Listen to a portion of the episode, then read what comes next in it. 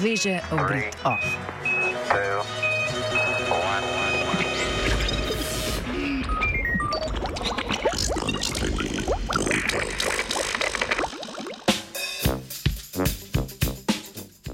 Nabieranie pingwinich kakców. Fuj.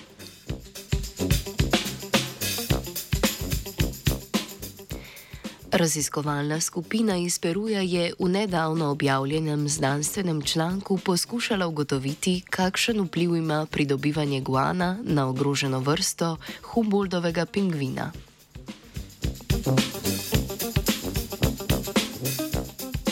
Guano je skupek iztrebkov ptic ali netopirjev, ki se zaradi svoje rodovitnosti vsebuje namreč veliko dušika. Množično uporablja v kmetijski industriji. Nabiranje guana je v Peruju v preteklih dveh stoletjih povzročilo ogromen upad števila ptic, ki gnezdijo na obalah. Med njimi je tudi Humboldtov pingvin. Nabiranje guana je namreč v preteklosti močno posegalo v gnezditveni proces ptic zaradi prisotnosti človeka in njegovega razdiranja gnezd. Danes je po zaslugi državne agencije pridobivanje guana strogo nadzorovano, vendar ostaja vrsta pingvinov kljub temu ogrožena.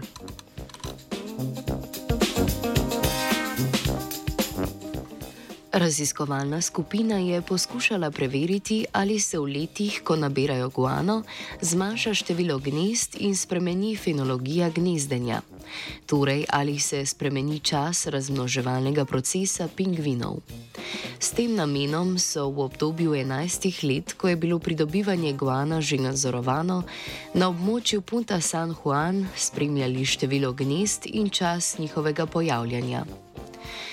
V letih 2012 in 2019 se je na proučevanem območju nabiralo guano. Zato so lahko podatke primerjali z opazovanji gnezdilnih kolonij pingvinov, v katere ni bilo posegov.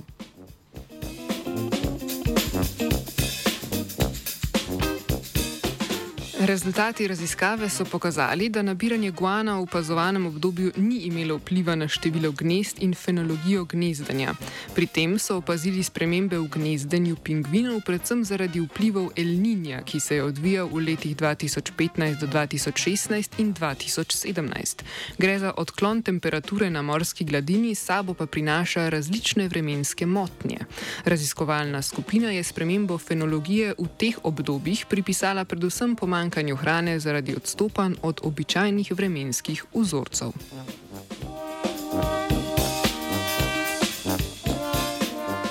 Omejeno nabiranje guana na obalah Peruja predstavlja primer, kako lahko ohranimo ravnotežje med ekonomskimi in naravovarstvenimi interesi. A vendar je za nadaljne ohranjanje vrste pingvinov nujno tudi spremljanje ostalih dejavnikov oziroma moten, ki vrsto ogrožajo.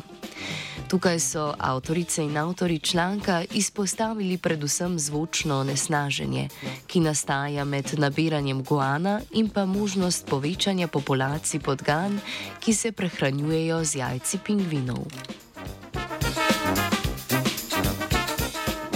Na današnje jutro je vse do pingvinih gnezdišč Peruja potoval Sebastian. Three,